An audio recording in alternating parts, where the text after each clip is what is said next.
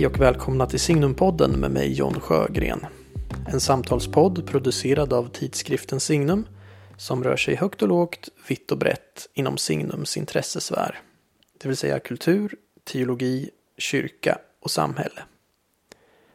Rubriken för det här avsnittet är Vad är glädje? Gäst är Kristin Sika, lektor i filosofi samt vice rektor vid Newman-institutet i Uppsala. Kristin disputerade på en avhandling om konsten och det sköna hos 1900-talsfilosofen Simone Weil. Och mycket i programmet kommer att handla om just Weils tankar om glädje. Det blir ett samtal om glädjens koppling till lidande och sorg. Om huruvida den rena glädjen går att finna i det här livet. Om skapandets glädje. Om kärlekens koppling till glädjen.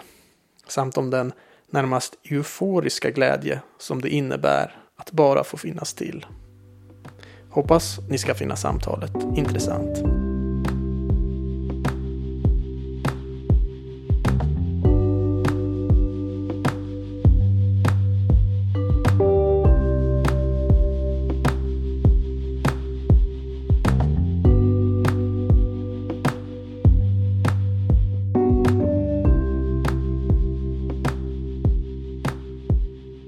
Välkommen till Signumpodden, Kristin Sika. Tack så mycket. Vi ska prata om glädje. Vad är glädje? Har jag satt lite som rubrik för vårt samtal här idag. Och om man ska säga någonting eh, om upprinnelsen till, till det här programmet så var det att du höll ett föredrag här på Newman-institutet som hade just den, den rubriken Vad är glädje? Och då tänkte jag det där måste jag gå och lyssna på för att eh, det där har jag tänkt mycket på. Vad är glädje egentligen? Men så visade det sig att jag var bortrest den där veckan då, då du höll det där föredraget. Så då tänkte jag, äh, men då får jag bjuda, bjuda in Kristin till podden så får vi reda ut det här i ett samtal. För på ett sätt så, alltså om jag då börjar bara lite med att säga vad, vad jag tänker om, om glädje och så, så på ett sätt så har jag ägnat mig hela livet åt glädje på något sätt. Eh, inte systematiskt direkt men eh, på ett sätt så handlar nog allt jag har skrivit om eh, om glädje. Nu har jag skrivit eh, tre böcker som, som alla på något sätt handlar om glädje. Den tredje kommer ut under våren här. Den, den, första heter Återställelsens glädje, den andra heter Efterföljelsens glädje och den här tredje som, som kommer då under våren heter Öppna dig, en essä om sanning, extas och glädje. Och det var inte riktigt tanken när jag började med den här första boken att jag skulle skriva eh, tre böcker om glädje. Eh, men, men det blev så. Och då har jag funderat på varför, var, varför är jag så intresserad av det här? Och, vad, vad är det här glädje egentligen? Och eh, då, alltså, jag tror att det handlar om att glädje är liksom det mest grundläggande för mig. Det, det är själva grunden i min eh, livskänsla. Om du förstår vad jag menar. Eh, och då menar jag inte detsamma som eh, lycka. Eh, eller det här att man hela tiden är glad. Eller, alltså, det, är, det är inte det jag är ute efter. Eh, snarare skulle jag säga att, att, att det här, när jag pratar om glädje så är det snarare faktiskt förknippad med en djup känsla av sorg också. Men, men det kan vi kanske återkomma till. Men om jag kort skulle försöka så, så vad, vad menar jag med glädje så, och att det är grund, grunden för min livskänsla. Så är det nog mer det här det handlar om någon slags storögd förundran inför själva existensen. Eh, och stundtals, som stundtals kan uttrycka sig i, i närmast någon slags eufori över att bara finnas till. Eh, så för mig tror jag att glädje är väldigt starkt kopplat till eh, tacksamhet. Eh, och, och känslan av att tillvaron är en gåva. Alltså tillvarons gåvokaraktär. Eh, att den är oss given oförtjänt på något sätt. Eh, ja, det, det, det är kanske då... Mm, ja, men det kan vara en ingång då i samtalet här. Vad, vad tänker du om, om, om det? Jo, jag tänker att det har då många samband med Simon Weil som jag har jobbat mycket med. Ja. Eh, hon skulle nog hålla med i mycket det du säger faktiskt. Mm. Ska vi säga, vill du säga någonting bara? För jag tror vi kommer komma in ganska mycket på Simon Weil. För du har ju ägnat dig mycket åt henne. Och eh, jag, som sagt, jag var inte med på det där föredraget. Men jag fick läsa föredraget och det är ju mycket Simon där. Men vill du säga någonting bara om vem hon är? Om, om lyssnare kanske inte har eh, riktigt koll på vem hon är. Mm, det kan jag göra. Hon eh, var då en fransk filosof, mystiker, aktivist brukar man säga också ibland. Föddes 1909 eh, och dog 1943. Eh, så mycket kort liv.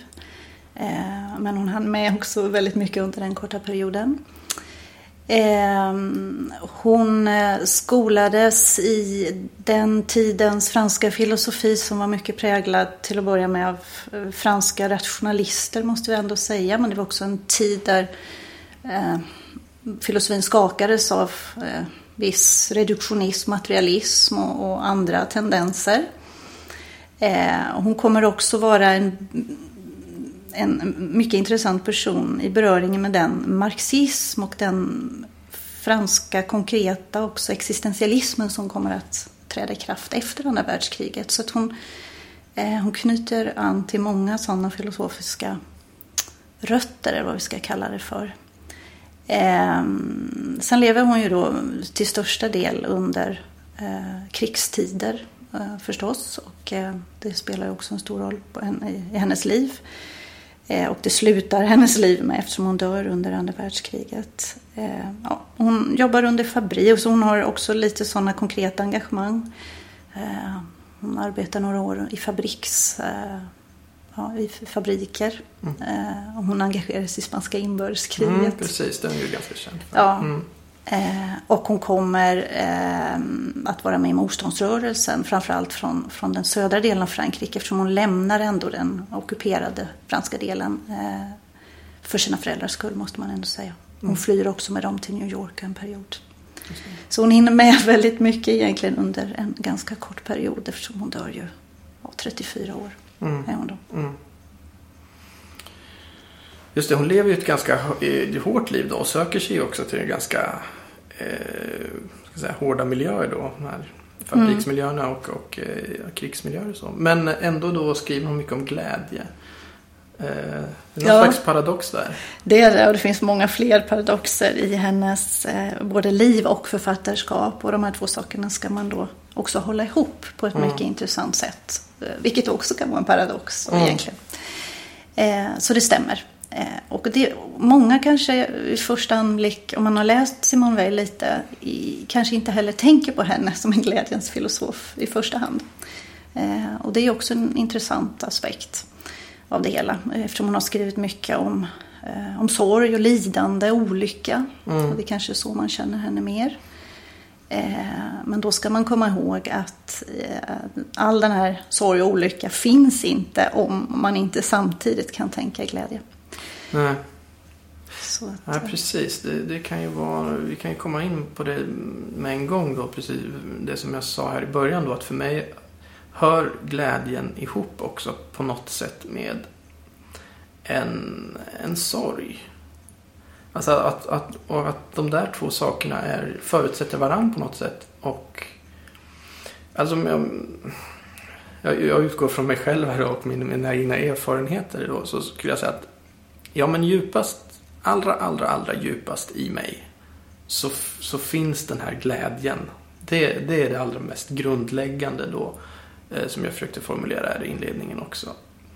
Eh, så, så det är det djupaste. Men Samtidigt så finns den här sorgen då över att ja men världen är ju inte vad den borde vara. Eh, varför lever vi inte i paradiset? Så att säga. Eh, om, det, om nu liksom existensen är, är så här god då som jag i grunden upplever att den är. Eh, Och på något sätt tror jag att det är därför att jag har känner mig som mest hemma eller har hittat hem liksom på det djupaste sättet i den kristna föreställningsvärlden.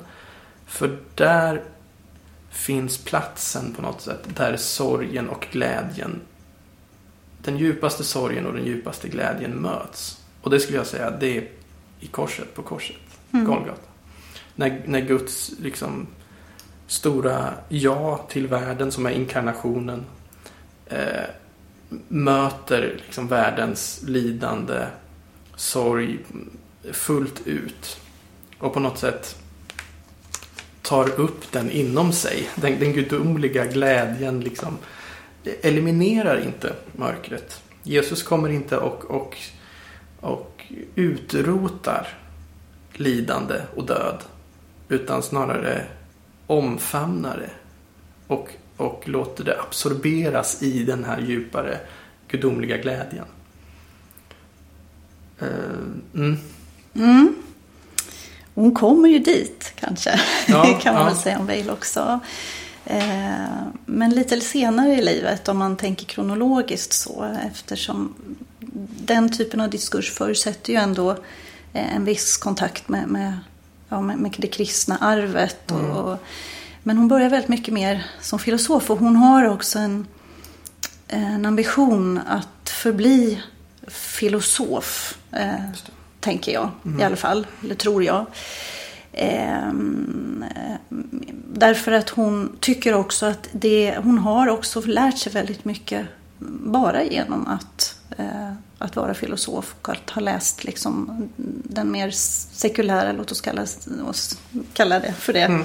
traditionen. Eh, och där, eh, där finns inte diskursen i alla fall med, med korset. Eh, utan då får man liksom titta på lite andra, mm. Eh, an, andra eh, varianter. Och, och, och eh, ett sätt är ju att börja i, i etiken helt enkelt. Och det ligger ju filosofin nära då att, att, att ta den vägen. Och då kommer vi in på det du sa allra först, så säger att glädje den har något gemensamt med lycka men det är ändå inte lycka. Mm, det är något mer än lycka. Det är något mer än lycka men vi kan ändå jämföra det med lycka och då, mm. då kan man liksom ta den omvägen.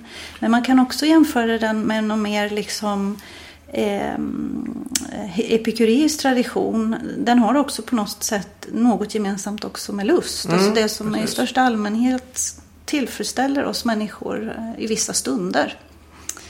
Eh, så det är två spår och det var lite det som jag hade också mm. i min föreläsning. Men jag tycker det är ganska bra spår för det, för att det kan vara bra. Jag är lite flummare här då, men du kan komma och lite mer filosofiskt reda i begreppen här. Det tycker jag är bra. Ja. Men man kan ha dem just lycka och lust. Alltså man, för att särskilja, vad är glädje då? Precis. Det kanske innehåller lycka och lust men det är inte riktigt det. Nej, eh, man kan liksom börja och jämföra med dem och så kan man liksom titta på vad, vad, vad glädje inte är i förhållande till, till de begreppen i sådana fall. Vail pratar extremt lite om lycka. Eh, hon är ingen lyckofilosof. Eh, även om olycka spelar en väldigt stor roll då. Och det är ju intressant. Hon sätter då på något sätt glädje som en motsats till olycka och inte just lycka. Eh, och det har sina förklaringar. Eh, en förklaring är att hon, eh, hon är mer platonist än aristoteliker och den aristoteliska traditionen är ju eh, eh, ja, som bekant då, mer lyckobringande. Där lycka mm. har varit ett i alla fall namn för det högsta goda. Eh, så, men, men den etiska vägen är i alla fall den klassiskt antika etiska vägen har ju en så, ett sånt spår så att säga att man kan söka efter det högsta goda eh, via en, en väg så att säga eh, där människan eh, vandrar, eller man ska se mm. på det hela. Mm. Eh, och då kan lycka vara ett sånt namn för detta, eller lusten. Eh, och, hon, och hon på ett sätt eh, håller med båda i det att man behöver ett, ehm, ett värde. Alltså, etiken har ingen funktion om det inte finns något objektivt värde, det goda då, som man söker ytterst för att komma någonstans. Eh, men lustigt nog kan man tycka att hon hamnar lite närmare den här uh, hedonistiska vägen. Till att börja i alla fall då, med den här lustbiten. Mm. Eh, därför där, om man tittar till exempel på den epikureiska traditionen där man söker då lust som någonting annat än det som, som ger smärta. Så handlar det om eh, att, eh, att söka i slutändan det av de luster som, som ytterst är nödvändiga. Den epikureiska mm. traditionen är ju inte det här att söka lust för lustens skull. Nej, just det. Eh, Och det skulle man väl mer säga hedonism då? absolut, Mm. eller kanske en feltolkning av hedonism. Det beror lite på eh, vilken hedonistisk linje man, man intar då. Mm. Eh, men, men det handlar väldigt mycket om, också i den stränga epikuristiska traditionen, att vara måttfull. Eh, En måttfullhet som Aristoteles också tar över förstås. Eh, och att inte hamna i den här spiralen att söka och begära saker för sakernas skull. För då blir man väldigt ledsen till slut. Så det leder människan snarare till att sluta sig inom sig själv och bli Ja, det skapar leda. För mycket lust skapar då helt enkelt leda. Eller tristess är också sådana ord som en Spinoza sen eh, väldigt mycket fångar upp. Och alla de här begreppen spelar också en roll för Weil som den filosof hon är. Just det. Eh, men, men, eh, men om man söker de här den här nödvändiga lusten som människan behöver eh, för att garantera att leva helt enkelt till att börja med. Eh, så hittar man ändå en rot hos Weil eh, i vilken jag tror ändå att hon börjar. För att hon kommer att sätta glädjen, hon kommer nämna den som ett själsligt behov. Just det. Eh, och det är ju väldigt intressant. Mm. Eh, För ett behov Benämning. är ju någonting väldigt grundläggande. Ja. Alltså det är, ett behov är ett behov. Det är ju något mycket mer än en, ett begär eller en längtan. Eh, Ett behov är ju något oerhört grundläggande. ja. Mm. Eh, Men, men om man tänker att de här nödvändiga begären är kanske behov. Det vill säga Mm. att om jag gläds i att äta om jag är hungrig. Mm. Så är det ju på något sätt kanske den lusten som jag får i att äta ja, något riktigt gott när jag är riktigt hungrig. Eller något, dricka något när jag är riktigt törstig och så vidare. Eh, och i det så, så blir begär och behov de flyter ihop lite Mm. på det här extremt grundläggande planet. Mm. Ehm, så, så jag tror att hon, hon har en tanke kring att börja i det väldigt elementära. Men det är oftast kroppen som behöver de här elementära behoven. Vi behöver skydd och värme, kläder, mat förstås. Och vi längtar efter dem, vi begär dem. Och de ger oss glädje när vi får dem. Så, så långt. Eh, Mm. Men så behöver själen då också sina behov. Just det. Eh, Och jag har funderat länge på varför hon då talar om själens behov och inte begär som hade varit det mer klassiskt, traditionellt Mm, eh, lämpliga. Det blir nästan oxymoron här då mellan de här. Mm, mm, just. Eh, Men återigen tror jag att det är väldigt medvetet från hennes sida. För det, vill hon, kom, det hon vill komma åt är att det är inte vilka själsliga psykologiska begär som helst som vi behöver. Utan det är sådana begär som vi ska söka som ger oss glädje så som en föda för själen. Den här födan, näringen så att säga, är det som jag tror är gemensamt för henne i både behovet och begäret som både kropp och själ behöver.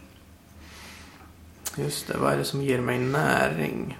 För jag, jag tänker ofta på, ja men om man tar det här begreppet begär då och eh, om man tänker behov och begär. Begär, det finns ju en tradition, det är kanske mer österländsk tradition så att, att begären är dåliga. Eller begären är vara o- av ondo. Man blir, målet är egentligen att bli av med begären. Mm. Eh, man förknippar det kanske med någon buddhistisk Ja. eh, andlig tradition och så. Men det där har aldrig riktigt eh, liksom... Mm, eh, det ringer inte riktigt bra hos mig. Eh, eh, för att jag tänker Alltså snarare handlar det om att identifiera vilka är mina djupaste begär. Alltså absolut, jag tror att man måste kunna kontrollera sina begär och så vidare och kunna rikta dem åt rätt håll. Och man kan inte bli slav under alla sina begär så att säga. Men är begär i sig någonting ont? Eh, och där skulle jag nog säga nej. Jag tycker nog inte det. Utan snarare då identifiera vad är det djupaste begäret. Vilket då kanske är det som, som Weil då skulle kalla för behov. Alltså vad är mitt djupaste själsliga behov? Eh, vad är det jag verkligen behöver mm. för mm. att eh, uppfyllas av den här glädjen eller, eller så. Mm. Det tror jag. Mm, mm. jag håller verkligen med om den analysen. Jag tror att det, det är ungefär där hon situerar sig. Eh, nu är det ju så att i franskan är det en, för en gångs skull, för det är väldigt sällan så, mer olyckligt än i svenskan att man har bara ett ord för begär. Ja, tänkte eh, precis på ja, det. Mm. Kanske engelskan också då, franska heter det désir. Och det är, eh, det är ett begrepp för allt mellan begär, längtan och önskan i svenskan. Mm. Men vi kan, vi kan ju skilja mellan det som blir lite mer begär av krävande arter. Där mm. vi sätter våra fingrar i det vi vill ha. Och en längtan som, som är mer där jag är decentraliserad lite grann från det jag vill söka mig till. Mm. Eh, men, men allt det här går under samma benämning då på franska. Och det är möjligt att av den anledningen också då så börjar hon prata mer om behov. Hon mm. preciserar det här i att slå rot med att säga att de, de begär då ändå Eh, som, som det ändå handlar om. Det är inte det här med de här nyckfulla begären som, som drar åt alla håll, Nej. mina infall och så vidare. För det är alldeles uppenbart, det, ja. det förstår jag. Alltså, det kan man inte följa, det, det blir man inte lycklig av. Nej. Nej. Och det, det bör man inte tänka så länge på för att förstå. Så Nej. Nej. Eh, utan, utan då drar hon i den här behovstråden om att det, det är någonting som, som ger mig en, en näring. Eh, det är det som jag behöver söka. Eh, men som du säger också, du sa att ja, men är begären, alla begär då de är olika art, men är, är, finns det då onda begär? Eftersom det verkar så naturligt. Mm. Eh, och det är ju en väldigt eh, Spinoza-tänkande. Spinoza-tänkande. Mm. Spinoza hade ju den idén om att eh, alla mina begär är så naturliga som de bara kan vara och därför kan vi inte i sig klaga på dem eller säga att vissa är sämre än andra utan det handlar snarare om då att hitta djupet. För honom handlar det väldigt mycket om en intellektuell väg för att komma fram till det här. Eh, att se att vissa begär Eh, är viktigare och framförallt hur de här begären uppstår mm. blir en nyckel i det här. Det finns något Spinoza-inriktande mm, mm. hos, hos Weil också. Hon läste ju förstås Spinoza. Eh, och hon kommer precis som Spinoza att identifiera eller karaktärisera människan som någon vars essens är just begär. Alltså mm. desir då, men, men i mm. hela begärsspektrumet eh, helt enkelt. Så det, det, är nyckeln till hur vi ska förstå människan. Mm. Tyckte hon då. Inte, inte just det här intellektuella, rationella Nej. djuret. Utan det, fin det finns ju mycket kopplingar till det i den kristna traditionen. Att man, det, där, det låter lite som Augustinus för mig. Alltså, och, eh, så att, eh, mm. Visst. Men hon har ju inte den bakgrunden. Nej, nej. nej precis. Eh, Men det, det, är intressant att man ändå absolut. ser de här tydliga kopplingarna. Ja. Eh, så på den vägen är den. Sen, sen är det ju så här att eh,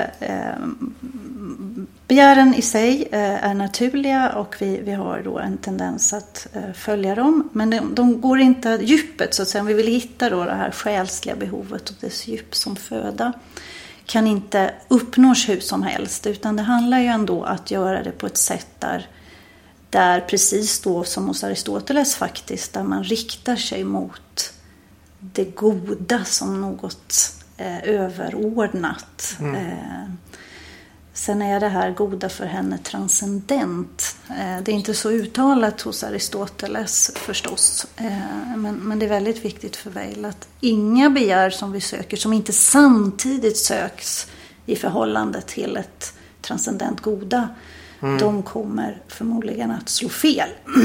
Just det. Eh, så det är också en viktig, viktig poäng. Och därmed är också behoven och begären bara medel. Mm. Just det. Det är ju en, eh, en viktig sak kanske att komma in på här då. Alltså att det är det glädjen, finns den fullt ut i det här livet? Så säga, eller, eller, om man tänker då klassisk eh, tradition, om man tänker de tre trans transcendentalierna, det sköna, det goda, det sanna. Då tänker man ja, just att de är transcendentalier, alltså det, det är någonting transcendent. Det finns, det, det finns i allting.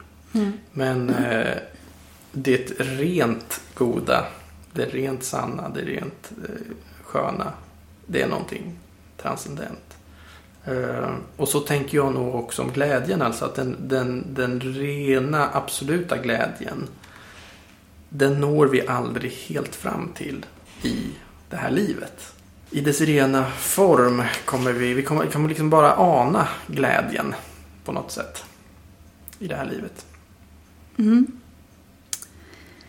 Och jag tror att, jag, jag förstår hur, hur, du menar, jag vet inte om, om vi pratar fortfarande bara om May Vale, om hon skulle ja. uttrycka sig så. Jag tror inte att hon skulle se glädje som ett mål. Det goda mm. är ett mål eh, i det absolut och det är transcendent. Eh, men det är också immanent eh, mm. eftersom det visar sig också för oss här nere. Mm. Eh, men, men, men eftersom glädjen då också definierats som ett själsligt behov eh, och behoven är medel eh, mm. så är glädje ett sätt att komma till det goda på. Ja, och därför Eh, är det heller inget vi ska söka för att söka det. Eh, inga behov ska sökas i sig själva eftersom de återigen är medel. Eh, utan det handlar om att nå det goda. Eh, ett annat sätt för en att, att, att, tala om glädje är att säga att de är eh, effekter eh, eller, eller fenomen som kommer med kärleken. Mm, det där tycker jag Intressant. Mm. Och det är ju jätteintressant. Eh, och om man inte tar ur den kristna traditionen, för det finns ju mycket teologi som man kan koppla till. Mm. Utan tänker snarare från hennes grekiska och bakgrund. Hon var ju väldigt välläst på grekisk klassisk filosofi mm. Eh, och även annan text. På något sätt också filolog, duktig. Ehm, så är det ju så att i den, i den grekiska mytologin till och med så var de här tre kariten eller chariterna, eh, de var tre systrar som var följeslagare till Afrodite då, som, som var en bild för kärleken eller skönheten. De två sakerna hör ihop. Eh, och då var så att säga de här systrarna, de kom med henne i det följeslaget. Alltså följeslagare ledsagade skönheten, kärleken. Och jag tror det är så hon tänker väldigt mycket på, eh, på glädje också. De, de kommer med kärlek, eh, de kommer med det goda. Mm. Eh, och blir en slags effekt av, dem, av, av, av, av det goda i sig. Mm. Men vi kan inte, men, men de ska inte sökas i sig. Återigen. Alltså man ska inte söka eh, glädjen egentligen. Nej. Utan man ska söka det goda. Ja. Eller det sanna. Eller det sköna. Eller det sköna. Eller, ja. ja. precis. De precis. tre hör ihop. Och eh, jag skulle nog säga att jag tänker precis så. Ja. alltså, jag tänker på, jag, jag, tror att jag i, i det sista kapitlet i den här kommande boken då. Nu är det så här när man har skrivit någonting så lämnar man det bakom sig och så minns man inte riktigt. Men eh, jag tror jag skriver något i stil med att liksom, det som ger människan glädje det är att leva i någon slags harmoni, enlighet med det sköna, det goda, det sanna. Det är när vi, när vi lever av och i, i, i, i av de transcendentalierna på något sätt och är, känner att vi är i kontakt med det. Då, då blir glädjen effekt av det. Eh, är det ungefär så hon tänker? Eller? Ja, absolut. Eh, det viktigaste att ha, eh, att ha den här eh, inriktningen att vara vänd mot Mm. det goda och så följer mycket ur det. Det. För faran med, och det gäller för alla hennes behov, är att om man upphöjer dem till ett mål. Hon ger ju bara en lista på vissa själsliga behov om man liksom ger några andra exempel. Eh, Risktagande, anseende, ordning är ett sådant behov. Eh, Rotande, väldigt viktigt behov att ha starka rötter. Eh, Och glädje då förstås. Men om man, om man, om man tar att om de blir för mycket mål i sig så är risken att i slutändan slår det över. Det finns, så att säga, det finns en falsk ordning, det finns en falsk glädje. Ja, det. Och, och det är den glädjen där, där vi lägger in för mycket av oss själva i vad det är. eh, och den, den faran lurar alltid. Eh, eller att man, så att säga, att man, man vill ha en glädje för glädjens skull. Och, och, men den blir så yttre. Jag vet inte hur jag ska förklara Ja. det. Eh, det. och det är hon väldigt duktig på att också hela tiden varna för att eh, allting kan både vara en sötsak och ett gift, skriver Ja. hon i Att slå rot. Allting. sant, Eh, alltså. Ja, jag tänker hur får man ihop det här? För det finns en annan eh, tänkare här som jag eh, också, som har hjälpt mig lite i de här sakerna som jag tycker är väldigt bra. Men då, då tänker jag hur får man ihop det här med Vail? Det kanske man inte gör, men det går också bra. Eh, men jag tänker på Josef Pieper, den här tyska Eh, filosofen som har skrivit den här boken Mose und Kult som handlade om Mose fritid är väl det bästa i svenska översättningen tror jag, även om det är lite för banalt för, för det som han försöker ringa in. Men där ungefär går väl tankegången där att det som är människan är skapad för egentligen, det är det här då fritid, alltså att göra det som bara är gott i sig. Alltså ytterst sett är det kulten då, alltså att ägna sig åt dyrkan av, av det goda, det sköna, det sanna, dess ultimata ursprung som är Gud då. Alltså det, det, men, men även då liksom de här att kom, eh, Ja, fest är för honom en, en sån här. Det är gott i sig. Det är när vi bara gör det som ger oss glädje i sig. Eh, och det kan ju vara något så enkelt som lek och, och, och skapande och, och eller bara göra det vi gör nu. Samtala om viktiga saker. Eh, men då tänker jag, mm, men ska vi inte... Ja, de här sakerna är ju goda i sig. De är väl bra att, att begära. Eller liksom att fest, god mat och dryck och umgänge, det är väl, det är väl goda saker. Och det är de ju. Mm. Och de är väldigt naturliga på många sätt och det håller hon ju med om. Men, men, men återigen, eh, om jag söker dem i enlighet med, återigen med att ha också blicken riktad mot det Mm. goda, Mm. då blir de bra. Mm. Och i och för Eh. sig är det ju det som Josef Pieper kommer fram till lite grann. För han säger att det finns ingen fritid utan eh, kult. Alltså om det inte är i något slags sammanhang av att det är riktat mot Gud som är ytterst sett då alla goda gåvors givare. Mm. Så blir det inte riktig fritid. Utan då blir det eh, Ja, då kan det slå över i någon slags hedonism eller vad det nu blir. Mm. Precis, och risken då är ju att människan sluter sig kring sig själv. För, för Weil är det liksom den största risken. Och då, då hamnar man i en slags falsk glädje. Som jag kan bli väldigt besviken över när den tar slut. För det som är fantastiskt med den äkta glädjen är att den, den tar ju slut eh, här nere. Eh, Ja. Alltså man får glimtar av glädje, men den varar inte. Eh, Men, men den glädje som, som när den försvinner inte kan överskridas. Den är förmodligen inte äkta. Och då är vi inne på det här med sorgen. Som är liksom andra sidan av samma mynt. Det. Eh, och det är väldigt viktigt. Eh, eftersom som sagt det finns en växelverkan mellan de här två. Eh, som, som den som verkligen har en aning om den här mer starkare formen av glädje då vi ska kalla det för.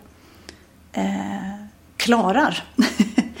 Eller med andra ord, i sorg och lidande så kan man ändå vara i hopp om glädje. Alltså, det dör inte ut Nej, när, när tunga stunder kommer. nej visst. Eh, Så, så, så det, är väl, det är väl en viktig poäng. eh, Att, och då, då är sorgen så att säga det handlar inte om medelvägen och där är hon ju då anti-aristoteliker. Det handlar inte om att hitta eh, medelväg mellan allt för mycket glädje och allt för mycket sorg och hitta mm. mittpunkten. Nej, det handlar om att förstå att vi behöver stunder av sorg och vi behöver stunder av glädje. Mm. Eh, men det som förenar dem på ett transcendent plan är det, det högsta goda. Mm. Men, båda behövs fullt ut. Men sen finns det perverta former av både glädje och sorg. Och den mer mm. eh, falska formen av sorg då, det är det här tristessen. Ledan eller misströsten. Där, där jag återigen också sluter mig kring mig själv. Där, där jag klarar inte av min, det som då blir eh, ett hot för mig. Eh, och då tar jag allting på mig själv så säger jag klarar inte det här. Mm. Eh, allting blir svart helt plötsligt. Livet har ingen mening längre. Misströst. Eh, eh, så. Men, men, men, men, att ta sorgen där glädjen finns kvar som en möjlighet. Det, det är något annat. Mm, det där är intressant. För, för det, om vi går tillbaka till, till det jag sa lite i inledningen. Att jag upplever att allra, allra djupast i mig så finns det en glädje som är liksom nästan oförstörbar. Det, det, men ja, det är så intressant när vi då kommer in på det här med tristess. Alltså har man mött, jag har tänkt det när jag har mött deprimerade människor. Så tänker jag, om jag tänker det liksom i andliga termer då, så tänker jag. Det här är en människa där den där glädjen har dött. Alltså den här, absolut, det är inte det här att liksom eh, vara glad eller lycklig hela tiden. Utan just det, den här allra djupaste glädjen. Som är själva livsgnistan. Den är borta. Mm. Och, och, därför är just det här depressioner, som du säger, allt blir svart.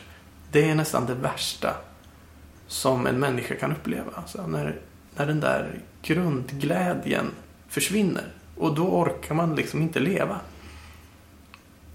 Nej, mm. och då har man förlorat den här födan då som ja, Veila är så inne på. Att eh, då kommer man ner till ett, det hon liknade med analogt med ett vegetativt tillstånd nästan. Man blir en levande död. Mm. Eh, och det är lätt hänt. Mm. Eh, mycket lätt visst, hänt visst. Att, eh, att det blir så.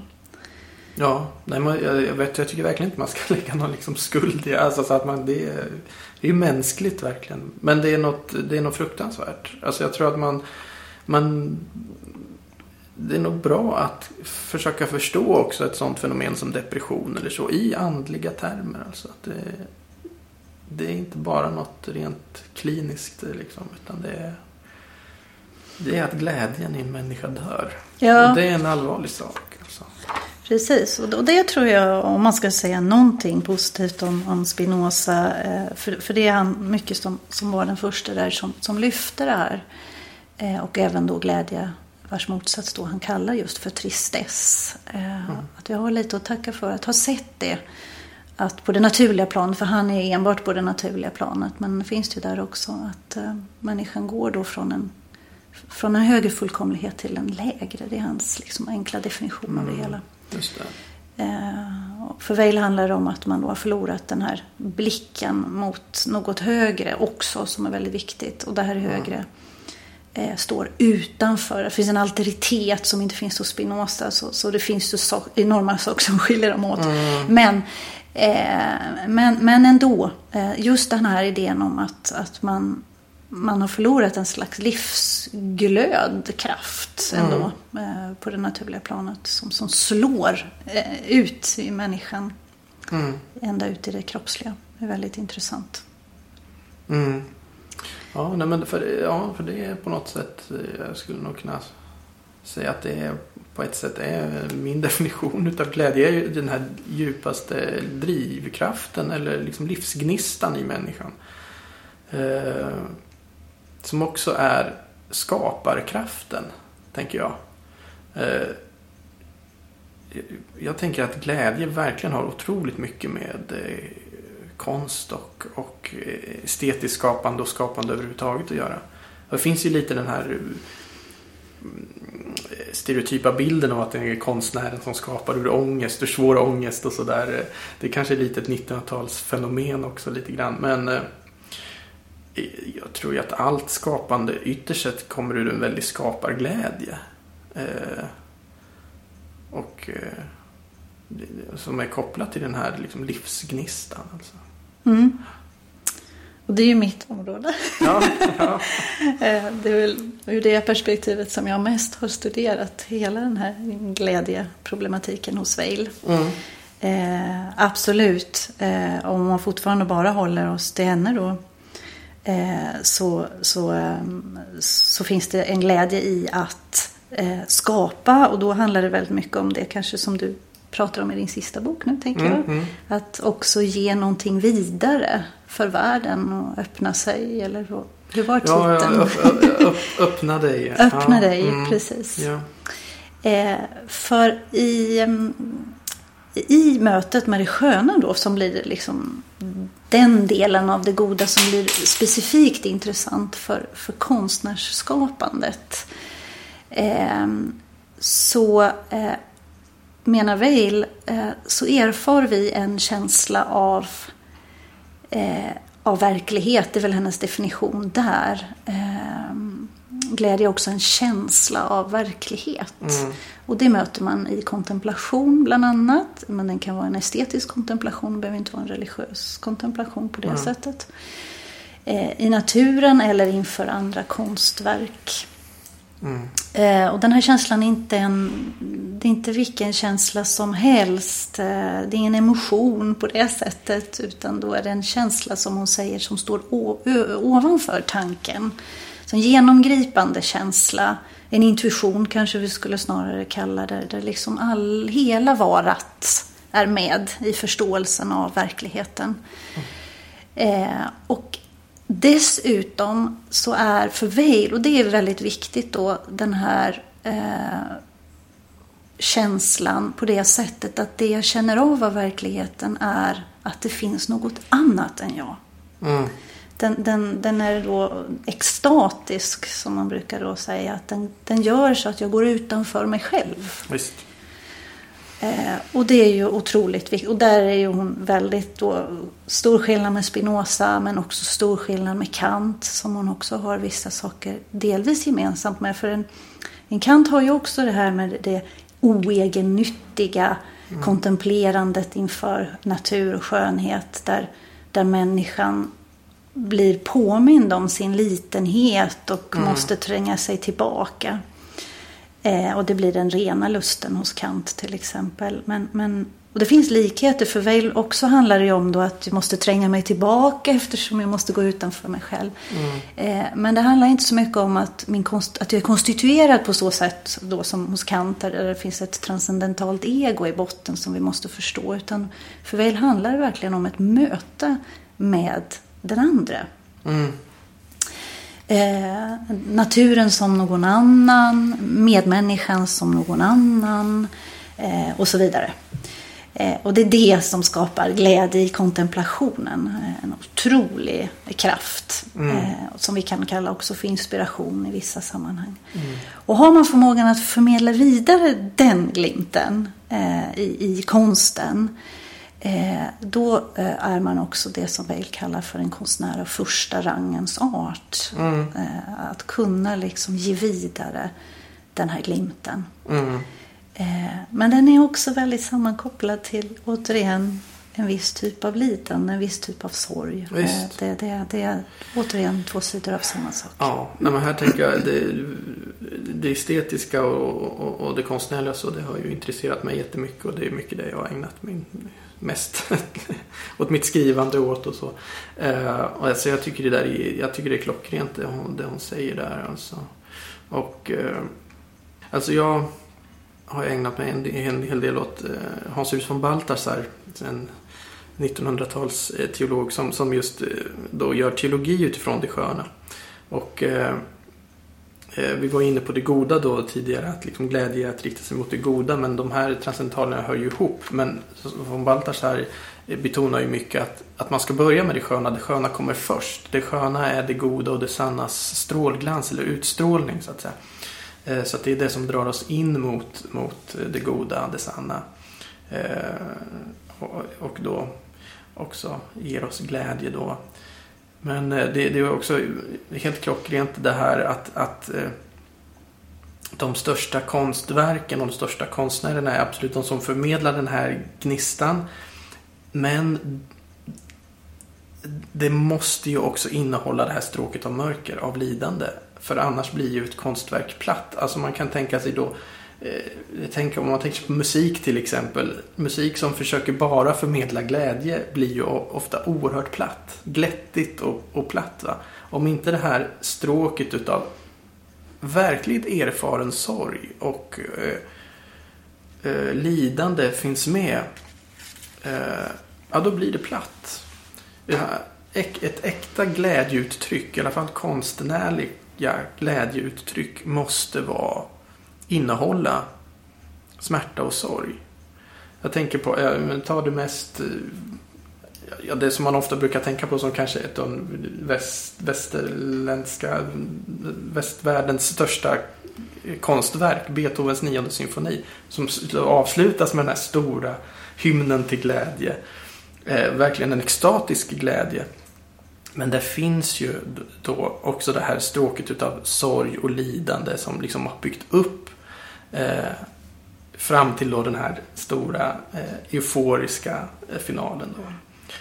Eh, så att lidandet måste finnas med där. Jag skrattar för jag tänkte på ett annat musikstycke precis. Och det var Bachs eh, ja. Eh, hur den översätts till svenska. Jesus att min glädje bliver eller något sånt ja, där. Ja, Jesus meine Freud bleiben. Meine, ja, något sånt där. Mm. Men man skulle kunna säga samma sak om den. Ja, visst. Eh, absolut. Hon har ju, man skulle eh, lätt kunna göra jämförelser mellan Weil och eh, von Balthasar och det finns redan eh, den typen av jämförelser. Mm. så jag håller absolut med. jag tror att det viktiga i, för för, för den typen av, av eh, insikt är ju att skönheten är verkligheten. Eh, och verkligheten ja. har också en sida av, för Weil då skulle hon kalla det för nödvändighet. Eh, en, en, sida som gör ont helt enkelt. En mm. sida som inte alltid är eh, så som vi skulle vilja, eller åtminstone föreställa oss. Men vår föreställning kan också ha fel, eh, mm. dessvärre. Att saker och ting skulle vara Eh, och eftersom den har de här två sidorna eh, så, så, så, måste man hålla ihop det på något sätt. hon har ett annat ställe där hon uttrycker det att, eh, att glädjen kommer in till oss genom kroppsligt via en typ av smärta. Det, det är, så, så, så mm. det är det som fångar upp i verkligheten på det nödvändiga sättet. Vi är i kontakt Eh, och vi kan inte skydda oss från vår kroppslighet. Mm. Men på det sättet kommer så att säga, nödvändigheten, tiden in av verkligheten i oss. Och det är en dimension av, det, av, det, av glädje också. Mm. Eh, men eh, genom, eh, genom skönheten eh, kommer också evigheten in mer på det själsliga sättet. Så det, det finns djupet eh, av som, som ger glimtar av det här eviga. Mm. Eh, det som inte syns. Som, som är liksom begravt mm. i någon slags tjocklek av materia och ytterhet, av yttre skikt. Och det här yttre skiktet måste trängas igenom på något sätt. Via livets hårdhet ibland och nödvändigheter. Mm. Men, men utan det upplever vi inte heller det som, som skönt. Utan de här sidorna hör ihop. Jag tänker, där speglas ju bara hur vi uttrycker oss ofta eh, rent språkligt. Man säger ofta det, det var så vackert att det gjorde ont. Mm. Och, och de här riktiga skönhetsupplevelserna de har alltid ett stråk av smärta. Det, det är så. När vi, när vi möter det här riktigt vackra så, så är det skönt och det är en glädjeupplevelse men det gör också ont. Ja, och man gråter Man ibland. gråter, Ja, det här med tårar är ju väldigt Verkligen. intressant. Och det är, det är både glädje och sorgtårar på mm. samma gång. Mm. Alltså. Och då kan man ju säga, vad beror det där på? Gregorius den store, gamla kyrkofadern, han, han sa ju att det beror på att vi minns det förlorade paradiset. Att eh, vi blir Eh, i, i liksom skönhetsupplevelsens ögonblick så, så minns vi att vi är utdrivna ur Eden och vi längtar tillbaka. Mm. Eh, och det är ju ett sätt att, att, förstå det. Samtidigt så är glädjen då att vi anar det, det kommande paradiset som en gång ska komma. Men jag tycker det är jätteintressant som Weil då säger att det, det, det kopplar rent fysiskt, rent kroppsligt till att, att en skönhetsupplevelse rent kroppsligt är ett slags smärt, smärtupplevelse. Det är väldigt intressant tycker jag.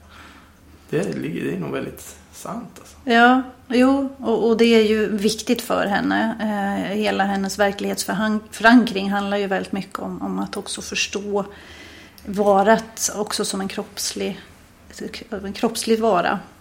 Och hela den här idén om varför man ska arbeta i fabrik, om man nu vill säga någonting om det också. Eh, handlar ju om att hon hade, har alltid haft, måste man väl säga, en idé om att verkligheten är inte bara ideal. Eh, utan den, den, det är så att vi måste ha hela vårt vara med i, i detta. Sen kommer ju fabriksarbetet i sig, eh, kommer hon ju genom erfarenhet förstå, ha andra dimensioner som, som hon inte antog eh, vara på det sättet som hon trodde som, som gör att det var lite mer komplext. Men, men just det skapande arbetet är på ett sätt, på många sätt ett föredömligt sätt Mm. att arbeta på. Eh, Eftersom människan på något sätt också är fri att säga ja. Det är väldigt viktigt till den här nödvändigheten då som kroppen är inslungad i. Mm. Eh, Fabriksarbetet kan bli en slags, ett slags slaveri för det finns många andra villkor där du inte alltid kan säga ja till de här villkoren. Eh, Men, men i ett skapande arbete där du själv så att säga eh, får den här glimten och inspirationen och du själv iscensätter den via ditt, din kroppslighet och ditt arbete. Eh, eller genom att du kontemplerar andras verk som, som också ger en glimt av de här nödvändigheterna. Mm. Eh, där, där har du, då är du mycket mer fri att säga ja till det här. Och det är också en Mm. väldigt, väldigt, väldigt viktig aspekt. Att människan ytterst också för väl måste samtycka Mm, det är så intressant. eh, till jag, verkligheten. jag inser nu att när jag har skrivit den här, min senaste bok, utan att eh, jag har läst Veil och det, jag har läst lite Veil men inte ordentligt. Men jag skriver väldigt mycket av det hon säger utan att jag vet att hon säger det. För att jag, jag har just ett avsnitt som handlar om samtycke och jag kopplar glädje till samtycke. Att, Ja. att det handlar om att säga ja till verklighet. Det är man ungefär Ja, säger det. Ja, ja. till verkligheten. Och jag har det på en mer teologisk eh, tolkning då att man ska stämma in i Guds ja. Alltså Gud, Gud skapar världen genom att säga ett ja till världen. Eh, och, och människans uppgift är på något sätt att liksom stämma in i Guds ja, Guds bejakande. Att, säga, att ge sitt samtycke till, till verkligheten och till existensen. Och, och stämma in i det. Så att samtycke tror jag är också ett sånt där eh, viktigt begrepp eller Mm. så när, när man pratar om glädje. Verkligen. Absolut. Och återigen på franska då så, så heter samtycke, alltså en, en av begreppen som går att använda som man också använder, consentir. Mm. Och det betyder egentligen, eller det betyder ordagrant, känna med. Mm. Eh, och, och det är också återigen, det, det poängterar det här eh, ja, känslan av verklighet. Återigen, inte bara naturligtvis inte bara emotioner. Men, men någonting som genomgripande gör att jag säger ja till den här verkligheten. Så det är inte bara tyckande. Nej, nej, nej. Samtycke. Nej, inte det här att jag tycker det är, jag tycker Nej. det är okej. Utan liksom, Nej, nej, och jag förstår hur, Ja, hur du menar. men det här men det är jaget. ibland intressant att gå, och liksom gå, gräva lite i, just i, i begreppen. För, för i det här fallet är just också det här mm, att man känner med. Det är Mm. väldigt intressant. mm. Ja, Jag tycker du precis, jag skriver lite grann hur kommer man fram till det här samtycket. Jag använder mig lite av John Henry Newman, det här grammar of assent. Alltså hur kommer fram till något att sant. Alltså att det är en väldigt komplex process. Som, det är inte det här att jag bara. Ja, men det är ju väldigt starkt kopplat till frihet också då som, som John Wales säger. Att, att vi har Ja. den här friheten. Och, men eh, mm, det är en komplex proc- process som leder fram till det där att vi säger ja. Det här, Ja, jag samtycker så att säga. På något Men- sätt är det hela livet, liksom, är, den processen på något sätt. Absolut. Eh, eh, även om det finns starkare ja än andra. Visst, Eh, visst. Och um, absolut, som man sen då kan återkomma till. Mm, Men i botten handlar det om det här fria jaet. Mm. Och den ger ju också då glädje. på, ett, på, ett, på ett väldigt starkt sätt. Eh, Och också är en förutsättning för att man också ska erhålla, erhålla glädje i andra stunder tror jag också eh, Mm. hon skulle tänka. Men, men jag har en sista sak som jag tycker ändå är väldigt viktig som, som hon Mm. också då säger. Eh, och det är ju att Eh, som sagt, glädje är då ett själsligt behov för att komma tillbaka till den aspekten. Eh, men, men eh, hon skriver också att av alla andra behov eh, så är det här behovet eh, på det sättet att många andra av mina själsliga behov måste först vara uppfyllda mm. innan eh, jag kan överhuvudtaget eh, få den födan, om vi ska kalla det för det. Mm. Och det tycker jag också på något sätt är viktigt att poängtera. Därför hon har också en, en, en idé om att vi, vi lever ju i, i relation till varandra. Mm. Eh, och mycket av de här behoven är på ett sånt sätt att det är mina medmänniskors skyldighet att se till att jag får mina behov uppfyllda. Mm. Där finns liksom en, en plikt nästan av mm. kantiansk art att, att ge varandra möjligheter. Eh, och, och, glädje då verkar för henne vara på det sättet att eh, först måste alla fysiska grundläggande behov vara liksom uppnådda. Man måste ha mat och det var de liksom mer kroppsliga behoven. Och sen måste vi också ha en rad andra själsliga behov. Sen kan människan nå den här glädjen. Alltså det verkar mm. liksom på en skala från 1 till 10 vara väldigt eh, svårt trots allt mm. att, att erhålla. Eh, och av alla de här behoven så tror jag för henne är rotande kanske det namnet på behoven som, som sätter fingret på egentligen alla behoven tillsammans. Mm.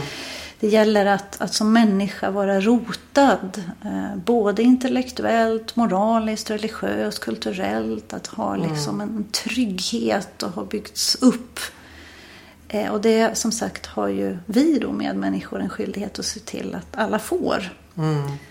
Eh, har, man, har man fått liksom den möjligheten så, så, så kan också man få eh, erhålla med den här själsliga föden. Så, så, så mm. att, så det finns ju närmast, kan man säga, en nästan politisk dimension Det finns en politisk mm. dimension mm. hos henne också. Och hon är ju på det sättet mångfacetterad. Mm. Eh, men jag tycker det är värt att nämna det också. Mm. Eh, också för att mena att, och det är också etiskt på så sätt och det håller ihop också hennes mer antika intressen. att eh, Om vi nu inte kallar det för lycka, som jag tycker inte vi ska göra, så, så är det ändå något som det är inte något man får och får för en dag. Nej, nej. utan det är ändå, det krävs lite. Mm. och sen är naturligtvis det personliga samtycket extremt viktigt. Mm. Eh, men innan man kommer till samtycke så verkar det ändå vara hos Vail så att det behövs en terräng lite grann. Just det, det är viktigt. Som är viktig också. Poängtera. Ja. Jag tänker, jag kanske ska avsluta med en, eh, en tanke som hon har som jag tycker är fin. Som kan, kanske kan vara bra att landa i. Du, du har varit inne och snuddat lite på den. Eh, men det är det här att hon kopplar glädje till kärlek. För där tänker jag också att om jag tänker teologiskt på, det, på detta med glädje då så tänker jag att ja, glädje var ju i samklang med det goda, det sköna, det sanna. Eh, men det goda, det sköna, det sanna det är ett annat ord för Gud. I vår kristna tradition så säger vi att Gud är kärlek. Gud är självutgivande kärlek. Och då tänker jag, ja, men då är glädje kanske att leva det som vi menade att vara, nämligen Guds avbild. Alltså att leva i självutgivande kärlek. Är, är det, om man då ska försöka koka ner det här till någonting, är det kanske den, den innersta nyckeln till glädje? Är det kärleken? Ja, det tror jag. Absolut. Eh, och gärna kärlek i termer av barmhärtighet eller misericordia då på mm. latin hos Weil. Eh, alltså en kärlek som är, som du säger, självutgivande. Eh, och då kan man också förstå både glädje, men då är den andra återigen myntet av samma sida i korset. Just. Och det går inte att koppla isär dem. Båda de sidorna blir då en slags modalitet eller en, eh, ja, en modalitet av hur en relation mellan människan och Gud kan se ut. Mm. Eh, så tror jag man skulle kunna säga. Jag är ingen teolog själv. Eh, men, men, men absolut. Och hon är ju väldigt, väldigt, när hon väl kommer i kontakt med kristendomen Eh, väldigt känsligt för också eh, kärleken eh, så som en treenig kärlek. Mm, och att även den här eh, relationen eh, för att förstå den mellan Gud och människa måste också först förstås eh, inom treenigheten själv. Mm. Eh, så absolut. Just det. Och det är det vi lite menar när vi säger att Gud är kärlek. Att det finns en, en kärleksakt i Gud själv. Så att säga, den här treeniga, Ja. ständiga självutgivandet. Ja, men kan, låt oss kanske landa där då och, och i kärleken. I, I kärleken som en slags nyckel till glädje. tycker jag blir bra. Ja, Tack Kristin Sika för att du gästade Signumpodden. tack för att jag fick vara med. Och eh, tack alla ni som har lyssnat och lyssna gärna på oss igen i nästa avsnitt. Hej så länge!